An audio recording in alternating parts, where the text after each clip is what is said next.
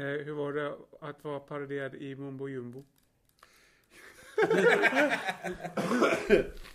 Nej, Jag är extremt stolt över det. Det är en av de finaste. Jag har fått säkert Melodikstipendiet och jag har fått träffa kungen och sånt där. Men det där är ändå... Att när man får en riktig, en riktig lavett i mumbo jumbo, då vet man att man är något.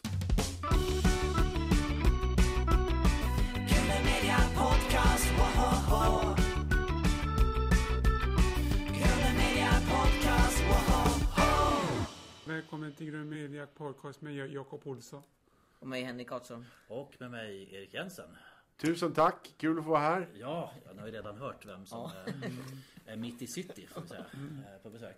Välkommen Henrik Schyffert. Tack så mycket. Ja, nyss hitkomma med tåg. Ja, alltså, en minut och 20 sekunder sedan klev jag av tåget. Men nu sitter vi på mitt hotellrum på hotell Eggers Ja, i, eh, i centrala Göteborg. eh, vi är glada att du är här.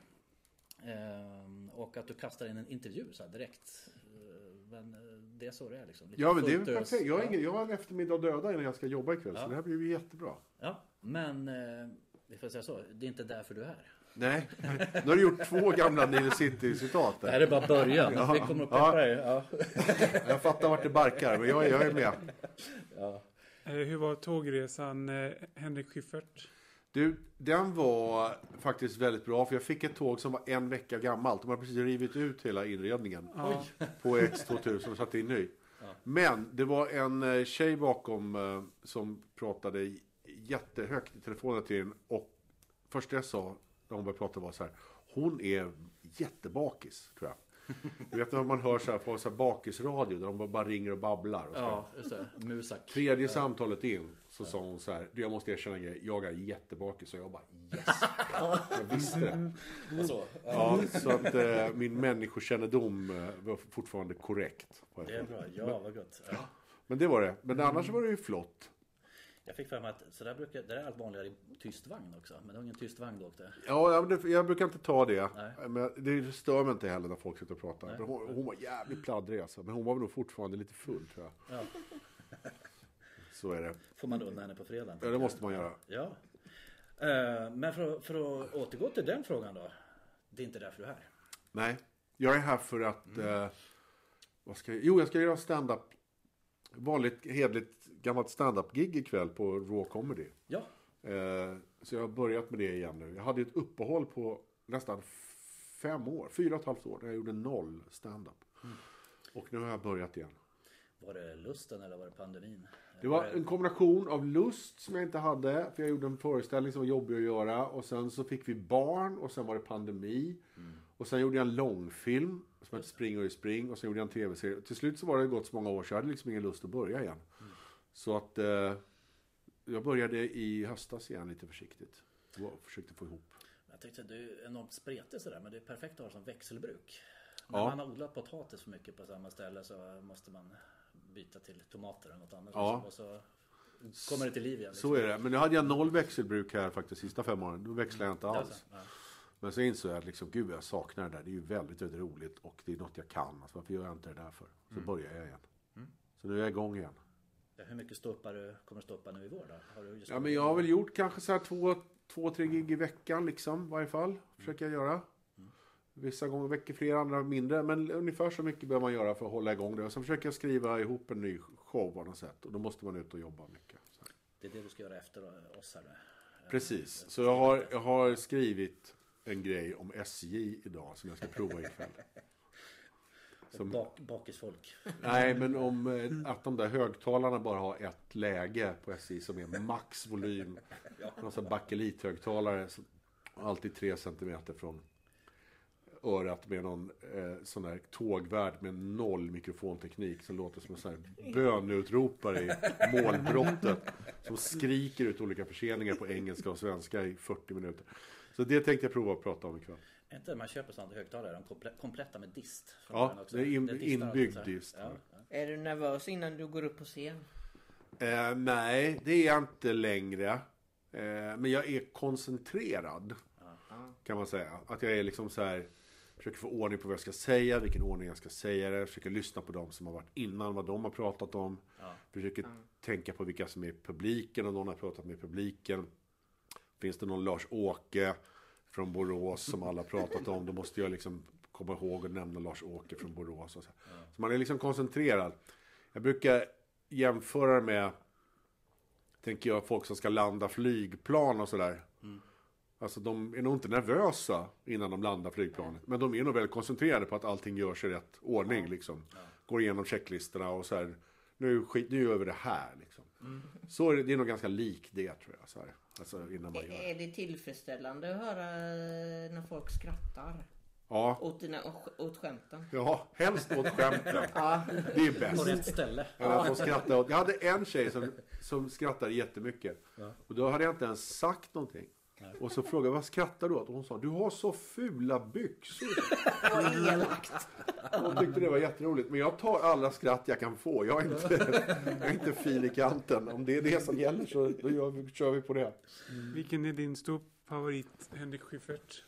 Ehm, Jag har många. Egentligen tänker jag att alla som orkar och vågar gå upp och ställa sig på en scen är jag faktiskt imponerad av. För jag tycker det är svårt som det är. Men eh, sen... ehm, Sen så är det ju så här, man åker runt och tittar på folk. Jag tycker nästan alla är, är duktiga. Jag tycker Johanna Wagrell är jätteduktig just nu. Jag tycker Nissa Hallberg som ska med ikväll, superduktig. Nor, min tjej, håller på att köra. Hon är skitrolig just nu. Aktuell med show nästa år. Ja, precis. Och hon, du vet, och så, här, så, så tänker man nästan alla som går upp, tänker man, fan duktiga de är. Så jag har, jag har, jag har ingen så här specialfavorit faktiskt. Nej. Eh, Men om jag ska nämna en utomlandsperson som jag tycker är väldigt, väldigt duktig. Så är det en engelsman som heter Stuart Lee.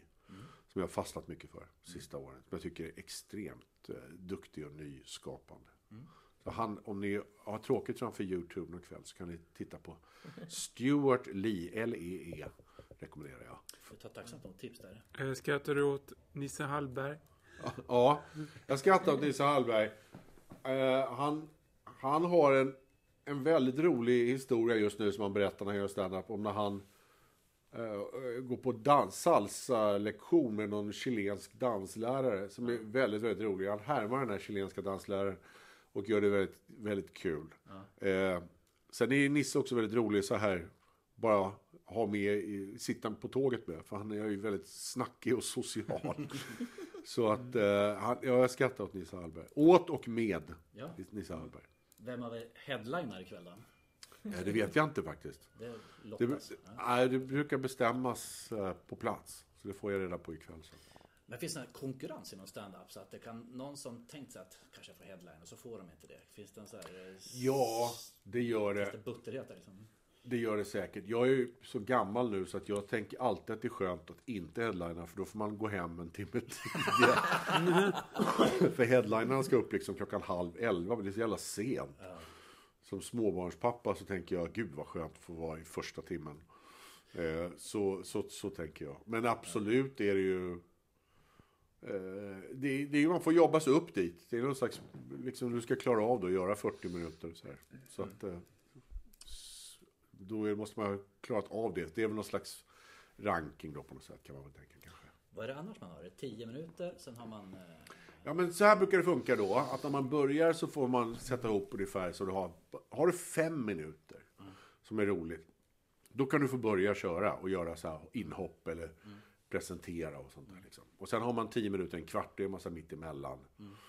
Och sen ska du ha 20 till 30 liksom för att kunna liksom vara på slutet. Och sen ska du ha en en och en halv timme för att göra egen show. ja, just det. 90 80-90 minuter är liksom. Då kan du åka runt och göra eget. Det- Allt räknas i minuter i standup-världen. Det är liksom kapitalet. Eh, så Klocka som man stämplar. Precis, Så att- stämpelur. Ja, stämpelur. Vad har du på gång just nu? I övrigt? I övrigt så håller jag på, jag ska regissera Solsidan, tv-serien Solsidan. Eh, nästa vecka ska vi börja med det. Ska jag vara med och regissera några avsnitt av Solsidan som jag har varit med och skrivit. Eh, så det kommer ta, det är vårens arbete. Sen håller jag på med en långfilm som vi har skrivit som vi håller på att försöka liksom få ihop eh, pengar till. Så vi kan göra. Som jag ska regissera förhoppningsvis.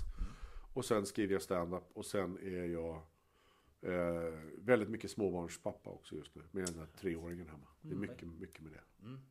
Det var ett tag sedan du blev pappa senast. Hur känns Det- det? det Det, var skillnad sådär? Det var ju 20 år sedan jag blev pappa. pappa. Ja men det, det känns bra. Det, är- det är som han Charles Dickens sa, it was the best of times, it was the worst of times. Det, det är båda sakerna samtidigt. Och det är inget förtar det andra. Nej. Det är världens bästa och världens jobbigaste samtidigt. Ja, det är så det ska vara. Var Själv pappa när jag var 40. Eh, Det var underbart liksom, vid den åldern. Men jag känner mig mer ledbruten än jag kanske gjort när jag var 25. Liksom. Det är mycket knäböj Ja. som man inte har planerat att man skulle göra. Det är mycket som man helt plötsligt i panik måste liksom plocka upp och rädda saker så att man från gungor och sånt där. Ja. Och vid 55 är det... Du måste ha ordning på eh, ländryggs, inte. ländryggsträningen. Annars gör det ont alltså. Kota L5. Ja, Den precis. har, eh, den, den den får stökat kyssar. Så Ja. det är faktiskt en, en, på riktigt ett dilemma. Ja, jag förstår. Ja, men härligt i alla fall. Du har ju funnits med i eh, den här kreativa hetluften i fyra decennier. Ja, så länge är det faktiskt. Även om de första åren kanske inte var så mycket med i hetluften. Men jag började när jag var 14 år gammal på Ja. Sveriges Radio. Och, så, och pryade när jag gick i åttan. Ja. Och sen fick jag jobb där efter det. Mm. Som frilanskille liksom. Så sen dess har jag hållit på. Och så blev du chef jag för mig när du var eh, över 20 någonstans där eller? Ja, ZTV var jag chef på under en period. Kreativ chef var jag där. Och sen gjorde jag, jag gjorde ju andra radio, gjorde Hassan på. Sveriges Radio. De här busringningarna gjorde vi. Och sen jobbade jag på MTV i London. Och sen gjorde jag tv-serier i Sverige. Och sånt där. Ja, jag på. En av de roligaste busringarna med Hassan tycker jag det är när jag tror det är när någon, någon av er ringer till eh, ett hotell och säger att Muminfamiljen ska vara på hotellet. Jag vet, jag ska, vi körde den på jobbet. Den är skitrolig. Ja, ja, det är bra. Dispyt med knytt. Ja, att, eh, Christian Lok tror jag. Ja, det var det nog. Ja. Ja. Så det var vi med och Jag och Christian gjorde det där radioprogrammet. Men alltså du har ju funnits med i år som känns som du har varit med där det händer och där det skapas nytt. Så här som Forrest Gump höll jag på att säga. Men, eh, Ja. Alltså du har varit funnits där. Det är väl liksom. bra och dåligt kan jag tänka. Men alltså, ja, men jag har väl hela tiden försökt att... Jag tycker det är roligt när det är, är nytt och när det är annorlunda och sådär. Så jag har hela tiden försökt hoppa så mellan saker. För det liksom håller mig vaken på något sätt. Men eh, eh, så jävla nytt och fräscht är det ju inte nu. nu eftersom jag sitter och gör gammal standup sen Solsidan säsong 8. Alltså det är ju inte speciellt nyskapande någonstans. Nej, Men, eh, trygghet och tradition. Ja, det är en blandning av det. Helst ska det vara. Men Solsidan, trodde du att eh, hade en tanke om att den skulle pågå i åtta säsonger? Men jag har inte varit med och skapat Nej, den nej, överhuvudtaget. Det är ju Ja, det du fel kom liksom. in i det. Och Jag kom in i, när de gjorde långfilmen. Just det. Mm. Då fick jag vara med. Och sen efter det har jag varit med i två säsonger och skrivit och regisserat lite så här. Mm. Så jag, jag började liksom typ säsong eh, sex och filmen. Så jag har varit med på slutet. Ja, men det är väldigt, väldigt kul att göra för de är så fruktansvärt duktiga. Ja. Alltså Johan Rheborg och Josefin och Dorsin och Mm. eh, allihopa. Felix och Mia och de där. Så att, eh, att få sitta med bara när de spelar. Alltså det är så himla enkelt. Jag sitter bara och tittar i en monitor och säger jätteroligt nästa. Det är som en apa kan göra det jobbet. Ja. De är så jävla duktiga. Reborg kommer vi till sen Jakob. Vilka Reborg-favoriter har du? Eh, Percy Nilegård och farbror Barbro. Ja. Du har ju låtit korrekt val tycker jag. vad tänker du på när du ser gamla klipp på dig själv? Eh, Jag brukar oftast tänker man bara så här, hur, varför tog jag på mig den där skjortan? Och sen tänker jag så här, hur i helvete såg jag ut i håret?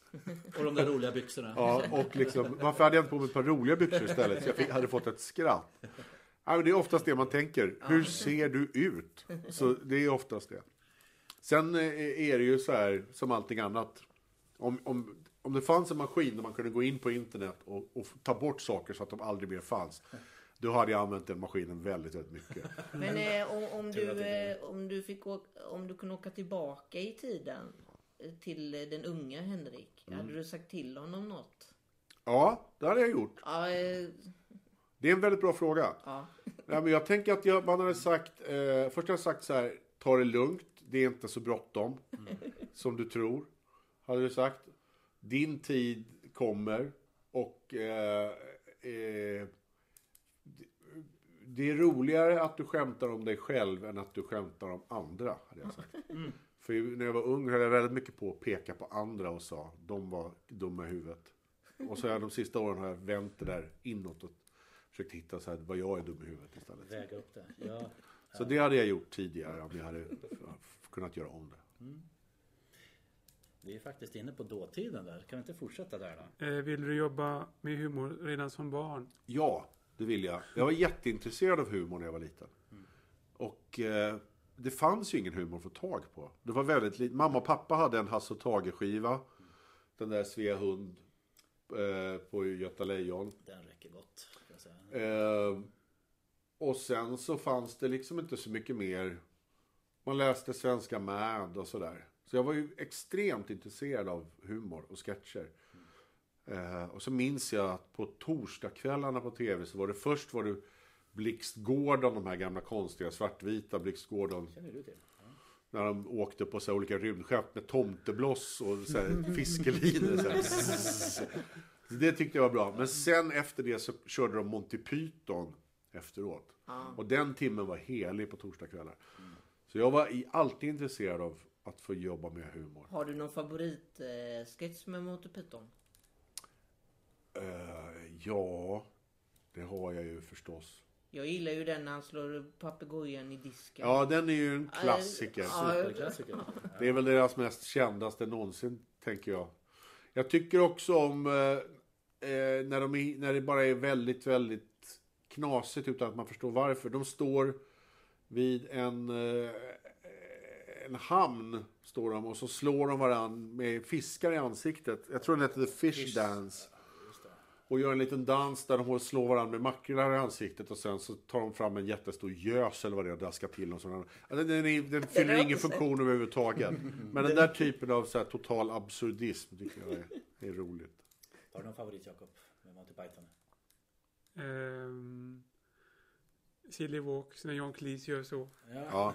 Ja, Det är från Pangebygget? Ja, det är Pangebygget. Ja, ja, det är. Men han gör ju ändå, han gör ju ändå the goose step. Just det. Gör han i Silly Walks. Ja, Han gör de här gås, stora gåsstegen. Ja. Vad får dig att skratta? Alltså humor för dig? Nej, men oftast är det ju faktiskt eh, det här när man sitter med kompisar och pratar. Ja. Det är oftast det roligaste. Gillar du Chuck Chatti? Tati, ja, oj vilken fin referens. Ja. Det gör jag ju såklart. Jag kan inte säga att jag är jättekunnig i Jacques Tati-världen. Men han, han har ju en enorm... eh, Har du sett den se- semestersabotör? Ja, den har jag sett. Den kan jag skratta ihjäl mig. Alltså, Ja, men det är han bra. är ju superklantig i de situationerna. Men, eh, Jag skulle säga att du har väldigt god och fin kulturell humorsmak. ja, jag gillar ju Chatti för Ja. jag upptäckte honom genom att se filmerna. Vad heter den filmen då? Playtime? De är ett varuhus. Och så går de fel och så låter det va? Ja, så, så han ägnar en kvart liksom. Om man hör långt där borta kommer ett litet gnissel. Jag för mig att han det går in, han går in i fel... Erik, han går in i fel byggnad. Ja. Ja, men det är ju är väldigt... Det är korrekt. Det är väldigt fint och välgjord. Ja. Du verkar ha haft ett eget driv och var väldigt målmedveten sådär redan som ung då. Du, för du avbröt gymnasiestudierna? Ja, det gjorde jag. Jag hoppade av gymnasiet för jag fick jobb i England på den där MTV-kanalen. Men Jag vet inte om jag har haft ett eget driv, men jag var väl... Hade väl någon slags extremt stark ungdomlig självsäkerhet av, av någon anledning. Som jag bara tänkte att bara man kör så går det. Eh, den har, det har gått över genom åren. Men eh, så var det nog väldigt mycket. Jag var nog väldigt, väldigt trygg med mig själv där ett tag. Eh, Var du höggjord som eh, i klassen? Ja. Alltså pajasen i klassen? Tyvärr, jag var vidrig. Det var väldigt, alla mina kvartssamtal jag hade gick ut på att de sa Henrik pratar väldigt, väldigt mycket och väldigt högt hela tiden. Och det var det enda det gick ut på. Gjorde du det även i högstadiet? Ja, Var du klassens pajas? jag lät väldigt mycket. Ja. Och hade, skulle kommentera väldigt mycket och tyckte att, eh, att jag skulle vara i centrum väldigt, väldigt mycket. Men du, kom, men du, kommer, du kommenterar inte dina klasskompisar? allt. Blir de inte trötta på dig? Alltså, De hatade mig. Ja. Alltså de ville nog eh, dränka mig, tror jag. Om de, om de hade, kommit, hade de kommit undan med att dränka mig, slänga mig i sjön med en påse skridskor, så hade de gjort det. Nej, jag var nog vidrig. Jag tänker att de kanske lyssnar här nu och... eh, Ja, men de kommer bara hålla med. dig. Ja, de kommer hålla med. De kommer att säga exakt så var det. Men eh, Att du hoppade av skolan då? Vad sa, vad sa dina föräldrar om det? Ja, men de, de var väldigt... Eh, ja, de att tacka för mycket. De var väldigt eh, stöttande i det där. Ja. Det var ju inte att jag hoppade av skolan för att sen bara dra runt och liksom röka gräs i Spanien. Det var ju inte så. Utan jag hade ju fått ett riktigt jobb på stor amerikansk tv-kanal. Så tänkte de väl nog att ja, men han kommer väl lära sig något på det också. Så att det var ju så, så, så då tackade, sa de att det går bra. Eh, men de kunde ju sagt nej och sådär. Men jag har ju inte någon utbildning alls. Jag har ju inte ens tagit studenten. Liksom. Sen fortsatte det bara efter det. Så, Vår senaste intervju var faktiskt med Meta Ros och hon pratade just om det att hon och hennes 17 kusiner träffas. Hon är den enda som inte har tagit studenten men hon sa jag ger mig fan på att jag är den som har varit roligast av alla. ja, Eh, det tänker jag också att det är. jag var Men jag kan ha ett extremt akademikerkomplex när jag träffar folk som, som kan saker och har lärt sig saker. Och eh, vet vad huvudstaden i Bulgarien heter och sånt där. För Det, det, det är över mitt huvud. Kommer du ihåg din första insats i tv, Henrik Schyffert? Min första insats i tv minns jag mycket väl. Det var tv-programmet Barnjournalen, om ni kommer ihåg det. Bengt Fahlström. Med Bengt Fahlström från Malmö. De var på Skansen och gjorde ett reportage om alternativa energikällor i slutet på 70-talet. Och eh, då såg jag, då var, då var jag där med min klass och då sprang jag dit och ställde mig bakom honom och hoppade jättehögt upp och ner och viftade med armarna och ville bara så här synas. Men det kom med i, i programmet. De försökte klippa bort så mycket som möjligt för jag var väldigt, väldigt... Man såg också att kameramannen försöker panna bort från mig. Men eh, det var min första gång jag var med i tv någonsin. Vad sa Bengt? Han sa ingenting. Han var väl proffsig och gjorde det här och så bara gick han härifrån. Han var nog van vid att ungar ska liksom hoppa i tv. Jag fyllde ju ingen funktion överhuvudtaget. Jag hade inget att komma med. Jag ville bara så gärna vara med. Det var nog en ganska bra bild av hur jag tänkte just då. Det måste ju finnas i SVTs arkiv någonstans. Jag är livrädd för att du har rätt. Ja. När du är med i Doobidoo nästa Men Erik, det så kanske, finns på det. det kanske finns på Youtube. Inte än. Men eh, då ska jag ta fram den där stora internetraderarmaskinen. en av de första grejerna jag ska slänga är, är i det där klippet.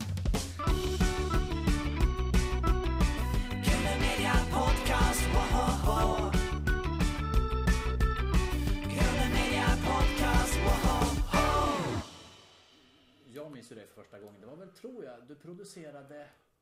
Var det Listan? Ja, det gjorde jag. Ja, det hette Poppy Top. Poppy Top heter den. Med Precis. Johanna Johanna Westman. Westman. Ja. Precis, det gjorde jag. Det var mitt första riktiga tv-knäck när jag kom hem från England. Så gjorde jag, producerade det. Och det var också där jag träffade Anders Locko Ja. som redaktör där. Och han och jag då som skrev eh, starten på I manegen med Glenn Killing som blev det. Började ni namedroppa popstjärnor så här direkt. Ja, det var mycket namedroppande av popstjärnor. Det var viktigt då. Men eh, alltså, jag minns ju, det här är så tydligt, någon höstkväll 92 tror jag var. Och såg manegen på TV första gången. Och först var jag lite konfunderad tror jag. Och jag tror att, var det inte så också att studiopubliken där, tonåringar, det var liksom om man tittar på såna här gamla hårdrocksklipp med Led Zeppelin från 68, sittande publik. Ja. Eh, de har inte fattat fenomenet liksom. Nej, jag har inte Eh, riktigt fäst än. eh, Vi var nog också ganska konfunderade, vi som stod framför kameran. Ska jag Ja. säga. Vi visste nog inte heller riktigt vad fan vi höll på med. Så det var nog både tittarna, publiken och vi var nog alla liksom, är det här någonting eller är det ingenting? Men man fick ju liksom ge det lite tid och sen kom, gick det i repris. Och då gick det väl hem lite bättre. Precis, det, det, det här visades jättesent. Liksom typ halv ett på natten gick det. Ja. På tisdagskvällen. Det var ingen som tittade på det alls. Jag kommer ihåg med manegen. Vad minns du? Eh, Jag, minns, jag vet inte om det är du eller om det är Robert eh, Gustafsson som har någon åsnedräkt på sig och ska han- göra, laborera med, med ord eller vad det är och sätta dem rätt på någon tavla. Ja, Det det är det du och. Robert som Ja, gör men den. det var nog inte vi som var i dräkterna tror jag. Men Nej. vi stod bredvid där tror jag på något Ja. sätt. Men så var det nog. Var det inte han som citerade Toto? Hold the line. Ja, just det. Ja, just det. Froms. Ja, Gud vad ni kan det bättre än jag. Det där sitter... Ja, ja, ja. Ja, Usch, vi, ja. vi satt på gymnasieklass och pluggade, pluggade alltså VHS-erna. Det tog ett tag, men sen gick det i repris på sommaren. Det var en regnig sommar och då var det folk som tittade. Och då fäste det efter det. Men sen kom det liksom, det slog ner som en lite ironisk bomb sådär. Eller märkte att det vart liksom, Nej, men med den märkte vi inte det. Men sen gjorde vi den där serien efteråt då. Den där Nile City-serien. Och då märkte vi ju att det, att framförallt märkte man det på skolungdomar. Alltså sen när man åkte buss och sånt. Så märkte man sen när det kom in i skolklasser. Då märkte man så här, okej det här är en grej som fäster nu på skolgården. Som, Boom, då. Ja. då börjar de där citaten komma. Då märkte, då märkte man att det här, verkar, det här är någonting. Hur var reaktionerna på stan efter serien? Nej, men, det var väldigt positivt, eh, minns jag. Eh, det här var ju innan liksom, internet, så man fick ju inga så här liksom, att man kunde se i sina flöden vad folk tyckte och kommenterade och sådär. Utan man hade någon pressklipp då, någon, någon från Expressen som var sur och sådär. Men så märkte man ju så här att eh, de där ungarna tyckte att det var roligt. Och det, det hörde man liksom. Man såg också, det var några som, man såg t-shirts som de hade gjort själva med så här citat på och sånt. Ehm, så det var ju kul.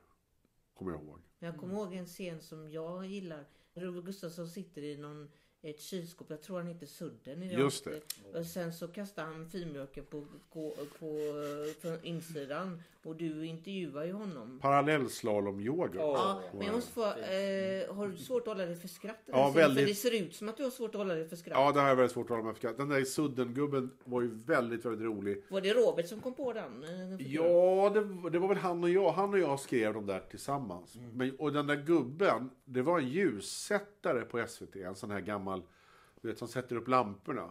Ja. En sån Så var du var en det. förebild? Du var en förebild. Han gick alltid runt när vi, när vi skulle repetera. Så gick han runt. Ja, den här får man ju plocka ner. Det kommer ju aldrig hålla. Det får han. Så han pratade så här hela tiden. Och så började Robert och jag härma honom så här. Vi bara tyckte det var så jävla kul och allt var dåligt. Och, äh. och så svarade han alltid nej på allting. Så, här. så man sa så här liksom. Kommer de att vinna det här? Nej, det kommer de ju att vinna. Så att han sa alltid nej först. Och sen så höll han med i varje fall. Det var en sån här meningsutbyggnad han hade. Det är ju en tv-sportgrej annars tänker jag. Ja, ja, det är det. Men nej, man får aldrig svara ja. Nej, precis. Och sen så gjorde vi honom till en, den här sportkommentatorn. Ja. Eh, då. Ja. Och så gjorde vi några stycken sådana. Men de var, det var alltid väldigt, väldigt roligt. För att jag tänkte hela tiden på den där stackars ljussättaren. så det var mycket det man skrattade åt, att jag hörde ju honom. Men den, den, den är ju väldigt rolig den scenen. Ja, För den, blev är kul. liksom lite... För det första tycker jag lite den är lite absurd att han sitter, att Robert sitter inne i ett kylskåp i en mataffär. Novemberkåsa. Ja, och- du? Ja, det var det med kiwis. Ja. Ja, Men, men alltså... En Mysigt spontan- podcast, man sitter bara och minns gamla grejer. Ja. Inga tuffa frågor. Det här är, det här är ju levande lexikon. Ja, men jag fattar det, de kan allt. Det här är Myggan och Myggans bror. Ja. Eh, Jag fattar det. Men en spontan tanke som jag har. Fick den här ljussättaren någonsin reda på att det var han som var förebild? Ja, det fattar ju han. vad sa han om det? Han sa ingenting om det. Det, var- det var nog okej tyckte jag. Verk, Verkar det som. Men, eh, men det- det var ju mycket sådär på SVT då. Så här gubbar som hade suttit där i 40 år som går runt i så här vita rockar. Och hatar när det kommer in en massa 20-åriga kaxiga killar och ska göra spännande TV. De är så trötta på det liksom. Mossa. Ja. En sak som jag ändå var imponerad över. Det kanske är bortklippt alla fnitterspel där. Men när du står där. Robert kommer in i manegen och ska jonglera med keso. Liksom, Alla dessa. De där var ju alltid... Hade du lätt att hålla dig för skratt? För du ser, alltså en grej var att du, du, det är sånt jävla stoneface. Ja, jag, har ett, jag hade ett trick, vilket är, det kan är svårt att göra det här när det är radio, men jag har en liten sån här, på insidan på vänsterkinden har jag en sån liten sån sk- skinnbit liksom. Ja. Som jag biter i. Så man sitter så här. Så ser det, det ser jag inte att jag biter. Trycker man till där, då gör det ont och då ler jag. Så det var en sån grej. En annan grej var att jag tittade aldrig honom i ögonen. Ah. Ja. Utan man tittar liksom här. På Men eh, försökte han... Eh, försökte Robert eh, locka dig eh, till skratt? Han, Robert är sån skratthora. Han gör, han, det är det enda han vill att alla ska skratta hela, hela tiden. Så det försökte han absolut göra. Men de absolut svåraste var ju de här när det var kladdigt. Just den här keson och yoghurt och eh, det här lergrejerna och så här. Det är väldigt, väldigt svårt då. När det ska geggas till. För då vet man så här, om jag börjar skratta nu då måste vi ta av alla kläderna och duscha oss. Man får inte börja skratta då och då gör man det. Har du fått Robert Gustafsson att skratta någon gång? Ja. ja. ja, men vi hade ju väldigt roligt när vi, när vi skrev de där. Då gjorde vi det tillsammans. Då funkar det ofta så att jag satt vid datorn och han gick runt omkring och pratade med någon dialekt oftast. Då, då. Och så ställde jag knasiga frågor. Och så höll vi på så att prata och prata och prata. Och sen när vi båda började skratta. Då var det så ah det här är någonting. Och då skrev vi ner det. Och så höll man på och så vidare. Så så vi skrev det sådär. Då, då skrattade vi båda väldigt mycket. Både jag åt honom och, och jag måste säga att han skrattade åt mig också. Men jag kommer ihåg en scen med Nile City. Eh, Robert har en katt och så har han en motorsåg.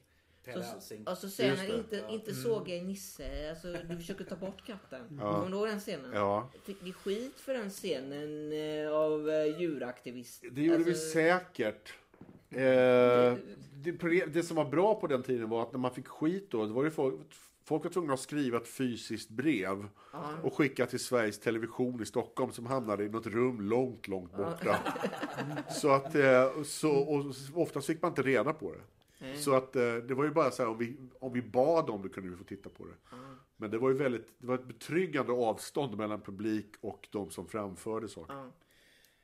Jag tycker det är lite kul också de här alla dessa namn som ni namedroppade. Har, vad- har Fred Asp, Imperiets trummis, någonsin kommenterat att... Eh, Nej, inte till oss. Jag tror aldrig jag har träffat honom faktiskt. Nej. Men jag kan ju tänka mig att eh, han förstås har hakat upp sig lite på det där. Och det var ju inget, vi ber om ursäkt för allt det, men det var ju inte som att det var... Det. Det, det var, fylldes ju ingen Det var inget som vi liksom, någon som vi tyckte illa om eller ville retas med. Alla de här gubbarna måste ju heta någonting. Och istället för att de ska heta Jan och Olof och Monica och sånt där. Så, här, så tänkte vi att det är mycket roligare att man döper dem till obskyra popnamn. Och de som vet vem Fred Asp eller Lol Tolhurst är, eller Per Alsing för den delen skull. du vet vem Pelle var va? Ja. Han är trummis. Trum- Han var trummis. Ja, Roxette-trummis ja. bland han också. Eh, De blev ju glada över att de kände igen det. Men 99% av de som lyssnar på det bara tänkte att det är väl bara ett namn. Tycker det var briljant. Vilket är det roligaste kändisnamn som Andres Lokko kommit på? Ja, men jag, jag vet inte, men det, det var alltid roligast ju, ju, smalare, ju smalare det var. Tyckte ju alltid vi. Eh, eh, vi gjorde ju en sketch med en väldigt obskyr engelsk indiepopartist som heter Frank Sidebottom. Som hade ett, han hade ett väldigt stort sånt där papier-maché-huvud på sig. Det har gjorts en film om honom, en långfilm för några år sedan. Eh, och det var extremt smalt. Det var till och med smalt för någon som liksom gjorde popmusik i England som var Frank Sidebottom. Det var det, smalaste, smalaste vi har gjort. Liksom. Och då så gjorde jag och Robert en intervju där en av oss var Frank Sidebottom. Det var ju ingen som fattade någonting utav det där. Det där tyckte vi var jättekul, bara för att det var så obskyrt som möjligt. Jag måste bara säga, när jag hörde att Trugoy hade gått bort. Ja, Kanske lite obildad men för mig är det en Killing-karaktär. ja han hette det. Eh, Han, han älskade yoghurt. ja, just det. Så det tror jag är yoghurt baklänges. Så det är därför han har det namnet. Aha, okej. Ja. Vi som kan vår Della Soul. ja, naturligtvis. Hur, hur lång tid tog det att komma på sketcherna? Alltså bollar du och Robert och ni andra mellan er och så? Ja, vi boll... vi- Men kan säga att den första serien vi gjorde, den här i manegen, den skrev vi jätte, jättefort. För den hade vi i, i, i maj sa de att vi skulle göra den och så skrev vi den juni, en månad typ. Och sen eh, gjorde vi den i augusti. Så den gick ju extremt fort. Och sen i Nile City, då tog vi lite längre, tog vi nog ett halvår på oss. Jag kommer ihåg vi var på Öland, hemma hos mig, jag, Robert och Andres och skrev en sommar och sen skrev Johan Reba och Jonas Inde på sin kant också och sådär. Men eh, ka- kanske en månad att skriva en halvtimmes program ungefär. Okej. För jag gillar ju en, en, en sketch ni har när ni har så här frågesport. Eh, hur många bultar det finns i eh, Ölandsbron. Ja, Just nu det. vill vi reda ut detta. Hur många bultar finns det? Ja, alltså det är ingen som riktigt vet det och vi sa ju någon siffra där mest på skoj. Den siffran stämmer inte vet jag, det har jag fått förklarat för mig. Men det där är ju någonting som folk är väldigt, väldigt intresserade av fortfarande. Och som, man, som dyker upp väldigt ofta på sociala medier. Eh, så blir jag ofta taggad i det där när folk åker över Ölandsbron. Så sk- ska de skriva den där frågan och tagga mig. Typ tre gånger om dagen. Så jag tycker de fortfarande det är väldigt, väldigt spännande. Det är en väldigt rolig fråga. för andra. Det finns inget eh, Nej. svar. Jag kan berätta var sketchen kom ifrån. För när man kör E22 från eh, Norrköping ner mot Kalmar. Så finns det en avfart där det står Kalmar Rasta. Som är alltså en, en rastplats. Och jag och Robert åkte ner där. Och så började vi skämta om det. Att det var liksom Att det var så här reggae, rastar, rastafari. Och så började vi prata öländska och säga olika så här rasta-grejer på öländska. Så det var, där kom den idén ifrån. så att den skylten står kvar. Eh, vad sa egentligen Express Fredag om er parodi? Expressen Fredag-redaktionen, eh, de tyckte nog att det var väldigt roligt att vi gjorde parodi på dem. Framförallt så förstod de att det var enda sättet att eh, behandla det var att säga att de tyckte det var väldigt roligt. Eh, s- De var på. de var på. Vi gjorde ju en, eh, ett live-gig på en festival i Stockholm som heter Lollipop. Och då var jag riktiga Expressen Fredag där och hade ett tält. Och så var vi på scenen och gjorde Expressen Fredag. Och då minns jag att de, sen vi kände ju dem lite också, de här människorna. Så här. Det är ju journalistkompisar till Anders och sådär. Så att det var nog, eh, Linda Skugge, var hon där? ja hon var med och skrev där. Och, eh, så, så lite det gänget var det. Jag måste, en, en liten anekdot alltså. Som gammal slagverkare på musiklinjen en gång i tiden. Kromata-parodin. Ja, Eh, ni har säkert fattat hur klockrent träffande det är. Alltså. Ja. Det, det, den fick vi fan till alltså. Ja men det var så här. Vad är det för något? Kromata var ett, en slagverksensemble som var väldigt, väldigt, väldigt bra och väldigt duktiga. Som spelade bara trummor och de var så här så de åkte jorden runt och fick spela sig FN och de var liksom väldigt fin musik var det. Japansk konstmusik med Ja. allt möjligt. Och det fina var när jag, min, i ettan när kom det en ny slagverkslärare så var jag liksom sådär utbildad av kromata-folk. Liksom. Och det första han gjorde var att starta en slagverksensemble och eh, när vi hade vår första konsert då var det samma repertoar och då hade han sett till så Åhléns sponsrade oss med svarta polos. Ja. Det tyckte jag var så fint. Perfekt. Mycket bra. Ja, den där den knäckte vi fan faktiskt. Den är jag stolt över. Ja. Hur ser du dig själv som skådis? Ja, men jag är en ganska dålig skådespelare. Jag kan göra liksom mig själv och så kan jag liksom göra såna här saker att jag liksom lyssnar och att jag ser arg. Straight man liksom. Ja, straight man kan jag vara. Det är, också, eh, det är väl också ett yrke. Men jag skulle inte säga att jag är, alltså man jämför med liksom folk jag jobbar med. Så har jag liksom, eh, jag har inget att komma med överhuvudtaget. Skulle du kunna tänka dig att spela bad guy i en Ja, film? ja, det skulle jag gärna göra. Jag gjorde det lite i en tv-serie som hette eh, Zebrarummet. Då var jag liksom lite bad guy. Ah, som ja, ja. gick för något år sedan. Det, det var ganska roligt att vara bad guy.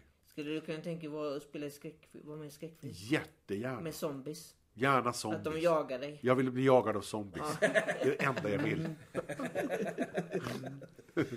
Men jag tänkte som skåd... Någonstans där efter Killingvägen. Ni gjorde Fyra nyanser av brunt. Där Just spelar du en hotellägare, ett strandhotell. Det var... Eh, var det din så här första skådis? Så Ja, det var det nog faktiskt. Jag tycker det var riktigt bra det. Alltså. Ja, tack så mycket. Men det är ju också Thomas Alfredsson, om man är en, av, en regissör i världsklass. Ja. Tricket är att han klipper bort allt som är dåligt. Så Och då, det blir då blir, det, bra. blir det bra. Men i den scenen, du har ju rakat huvud där. Ja, Är du rakad på riktigt? ja, Så de rakar bort ditt hår? ja. Hur var det? Ja, hur var det? Ja, men min tjej tyckte det var så inte klokt ut för jag var tvungen att gå omkring med det hela sommaren för att jag skulle bli brun på svålen också. Som Gösta Ekman i Picasso Ja, precis. Ja. Så jag fick gå runt en hel sommar på Öland liksom, med den här jävla konstiga helikopterplattan. Liksom. Och hon tyckte jag såg för jävligt. Och jag kunde inte ha keps på mig för då blir jag inte brun. Vad tänkte du när du såg det i spegeln då? Nej, men jag tänkte det är väl bbra. Ser jag ut så liksom, jag ser ut som någon annan. Det är väl bra. Har du kvar Hadar Cars-figuren av trä? Jag har kvar Hadar Cars-figuren av trä. Den har jag kvar. Exakt, den, den står hemma i hyllan. Jag har också kvar Illed Göran. Det är Jag, som har, jag har originalet. Den står också hemma i hyllan. Han står fortfarande på bakbenen. Ja, och han har är- partyhatten på sig. Den har stått i solen en massa år så den är liksom helt vit bara. Eh, Det var dumt av mig. Men den, det, den äger jag faktiskt. Ja. Den snodde jag. Och sen har jag kvar den här Nile City-muggen. Alltså själva muggen med kaffemuggen. Som Just står det. Nile City på. Den har jag kvar också. Nostalgi. Ja, så de, de tre grejerna har jag kvar. Ja. Och så har jag en spermahare. Har jag Ja. också. Jag har boken. Fan, man skulle fått den signerad där. Ja. Ja, men jag har en sån riktig har jag kvar också.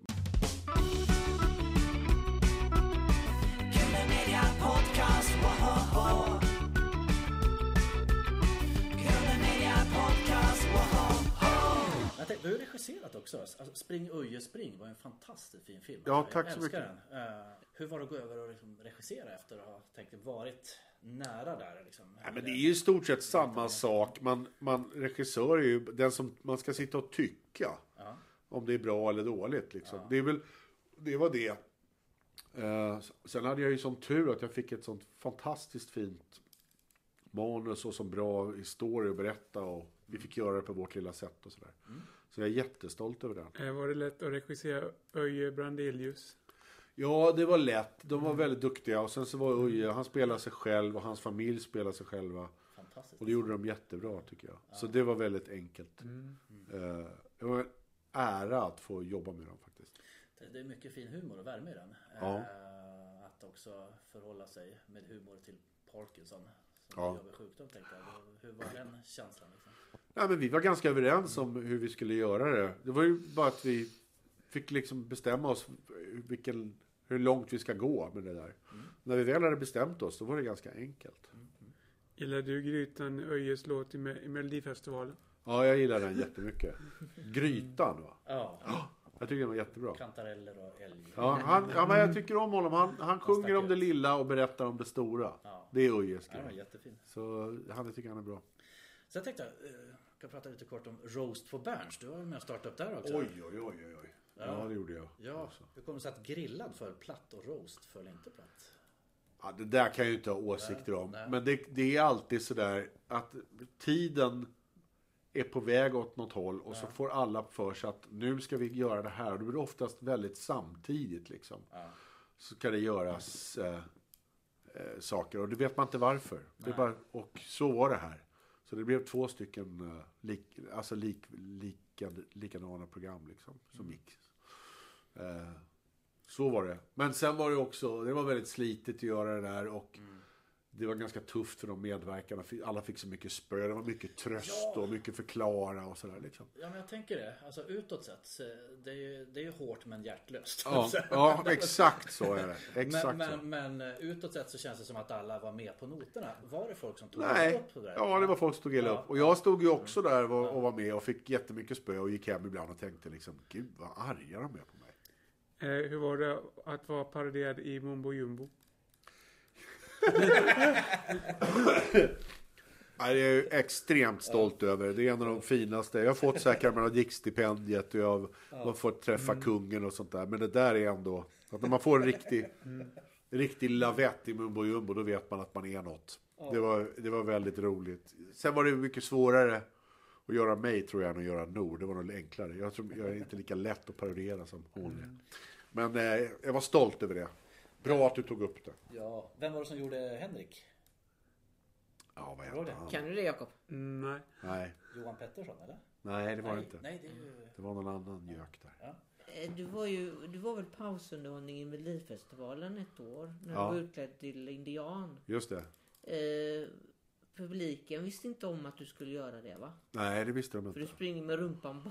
Alltså, den är väldigt rolig den scenen. Ja, Den är lite sådär wow, vad händer? ja, ja men det, den var ju, det var, jag var ju programledare först. Eh, Jag och Erik Haag var programledare för en av sändningarna som gick från Linköping och sen så återkom jag som pausunderhållning i finalen på Globen Ja. och sprang runt och sa larvigheter liksom. Så, så var det.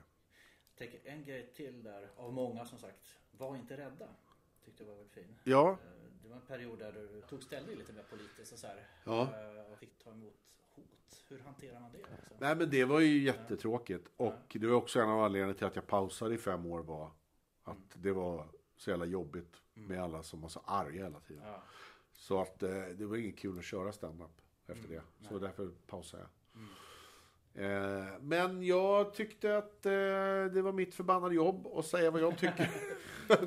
Så, eh, ja. så jag gjorde det. Eh, men Jag Tacksam att du gjorde det. jag. ja, det var skönt att höra. För det har varit otacksamt. Det är väldigt blåsigt på internet ibland. Men så kommer man ut och så märker man att internet är inte riktiga världen. Folk är inte så där arga i verkligheten när man träffar dem. Utan det är väldigt mycket bakom dataskärmens skydd. Men Erik, jag, också tror, jag tror också att det blir ett sånt eh, drev. För om någon håller på så drar de andra med sig. Blir det någon återförening med Whale? Det blir ingen återförening med Wayne. Det är jag väldigt, väldigt säker på. Nej, det gör det inte. Det var då, det var kul. Ja. Jag ångrar ingenting, men eh, nej, det, det var klart. Har du hört Neurus Moonshiners version av Pay For Me? Göteborgsgrupp som gör den. Nej, det har jag inte Eh, gjort. De finns på Jo, men vänta, jag tror det var inte Kia med och sjöng på den också. Ja. För jag minns att jag fick något mejl om rättighet. Ja, ja, ja, ja, det har jag Ja. hört. Ja, vä- väldigt bra. Mm. Kul. Vad är bästa med Kia Berg? Hon är en väldigt eh, klok och kul tjej som... Eh, eh, hon, hon sätter liksom eh, det roliga före sig själv hela tiden. Jag har väldigt stor- respekt för henne. Soro ska vi säga. Ja, hon heter Öfter. Hon driver en bokhandel på Sardinien har gjort i 20 års I tid. Sardinien? Ja. okej. Oj. Där bor hon. Kommer du ihåg vilket program hon slog igenom med? Vägen. Vägen? Ja, ja, musik-tv på 80-talet när det var som bäst. Mm. Ehm, sen är vi ju lite sådär parallellslalompolare där. Vi gör podd och du gör podd. Ja, det gör väl alla. Det började Alla precis som alla andra artister som helt plötsligt fick näringslivsförbud under pandemin och inte visste vad de skulle göra. Alla gör podd. Ja, och så började man göra poddar. Eh, Men vi gör liksom, jag och Nor har väldigt roligt när vi gör den där. Det är vår lilla så här eh, veckans roliga timme när vi kan vara barnfria och sitta och pladdra med varandra. Så det, gör, vi, det där håller vi på med fortfarande. Vi tycker det är kul. Hur är det att göra podcast med sin flickvän? Ja, men det, det, är, det är bra och dåligt. För det, det som är bra är att man, man kan vädra saker man har bråkat om i veckan. Så kan man liksom ta upp det inför alla så man får Gud som vittne på att man hade faktiskt rätt. Transparens. Ja, transparens, precis så. Så det, det är bra. Det svåra är faktiskt eh, att hitta tid när båda kan. Eftersom vi har en, en, en bebis så är det, det brukar alltid vara en som har hand om den. Det är det krångliga. Logistiken är det krångliga. Det andra är det roliga. Jag tycker det är så fint. Rätt, rättframt och varmt. Ja, tack så Eh, mycket. Det är jättefint att höra.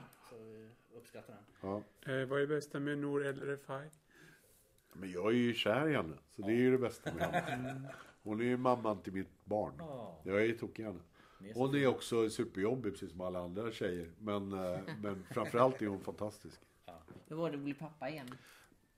Det var, det var ju mycket enklare än vad det var första gångerna. För det är liksom att eh, när man blir pappa så är det ingenting man får repetera. Utan man bara slängs ju in. Det är ju liksom eh, EM-final direkt. Så, här. så får man bara försöka lösa det. Så när man gjort det två, tre gånger så blir det liksom lättare. Så det var roligt.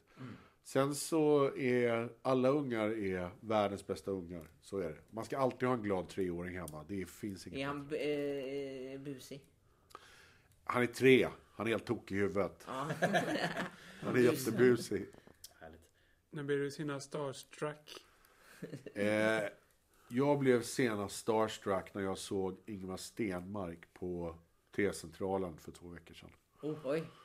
Alltså det finns, alltså alla, ing, jag bryr mig inte alls om så här musik och tv och kulturmänniskor. Men riktiga sportstjärnor. Så här som man växte upp till. Det slår liksom allt. Vallner. Ja, Den var fin. ja det, alla de där. Det där är liksom, det är stark tobak. Men ehm, jag tänker på en annan grej eh, i Starstruck sammanhanget. Alltså. Maj 2016. Cirkus i Stockholm. Eh, ett kilo mjöl. Ja, just det.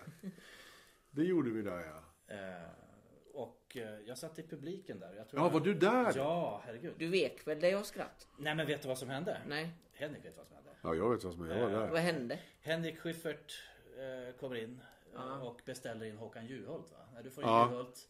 Och så kommer Juholt in och beställer ett kilo mjöl. Och då får han Jönssonligan. Hela Jönssonligan. Ja. Eh, Med Gösta Ekman och Björn Gustafsson och... Eh, Brunnberg drog ganska snabbt där. ja. Men eh, alltså. eh, jag satt ju backstage. Jag såg Innan. er satt och tittade liksom, eller pratade där. eh, Ja, då såg jag, Ja, ja. satt jag där liksom med Gösta och Björn och Ulf och jag. Ja. Och jag var så här, jag försöker nypa mig själv. Jag, om, om 12-åriga Henrik Schyffert kunde fatta det här, vet du. Han hade, huvudet hade exploderat på mig. Ja.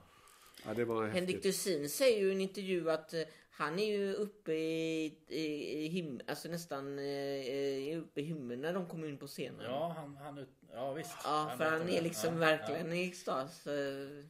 Vad gör dig glad? Eh, Just nu, eh, sju timmars sömn. Ja. Åh, Det är liksom, jag har en sån här sömnmätare på klockan.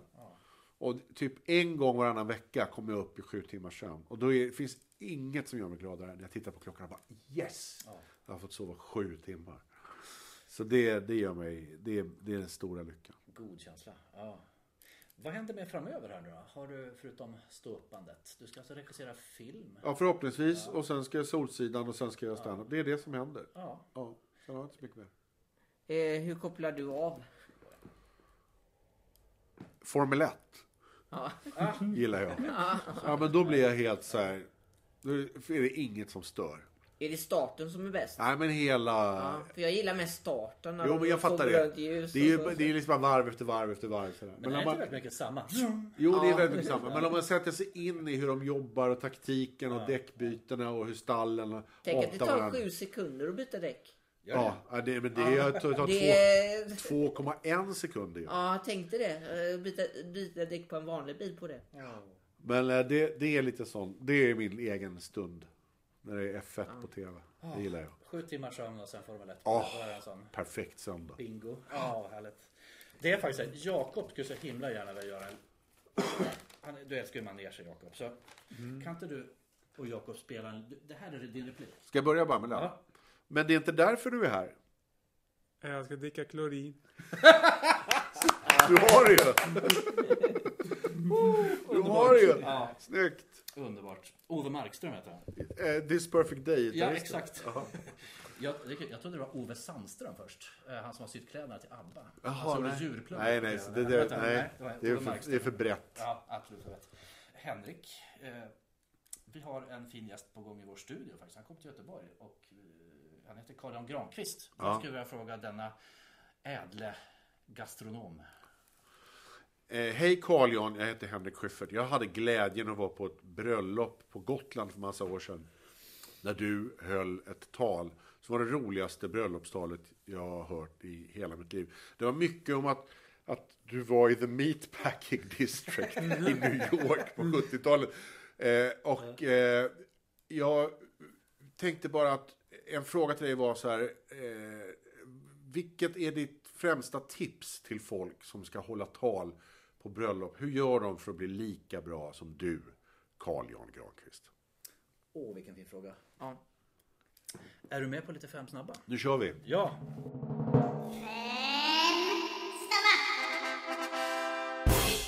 Kaffe eller te? Kaffe. Av eller på? Eh, Av nu för tiden.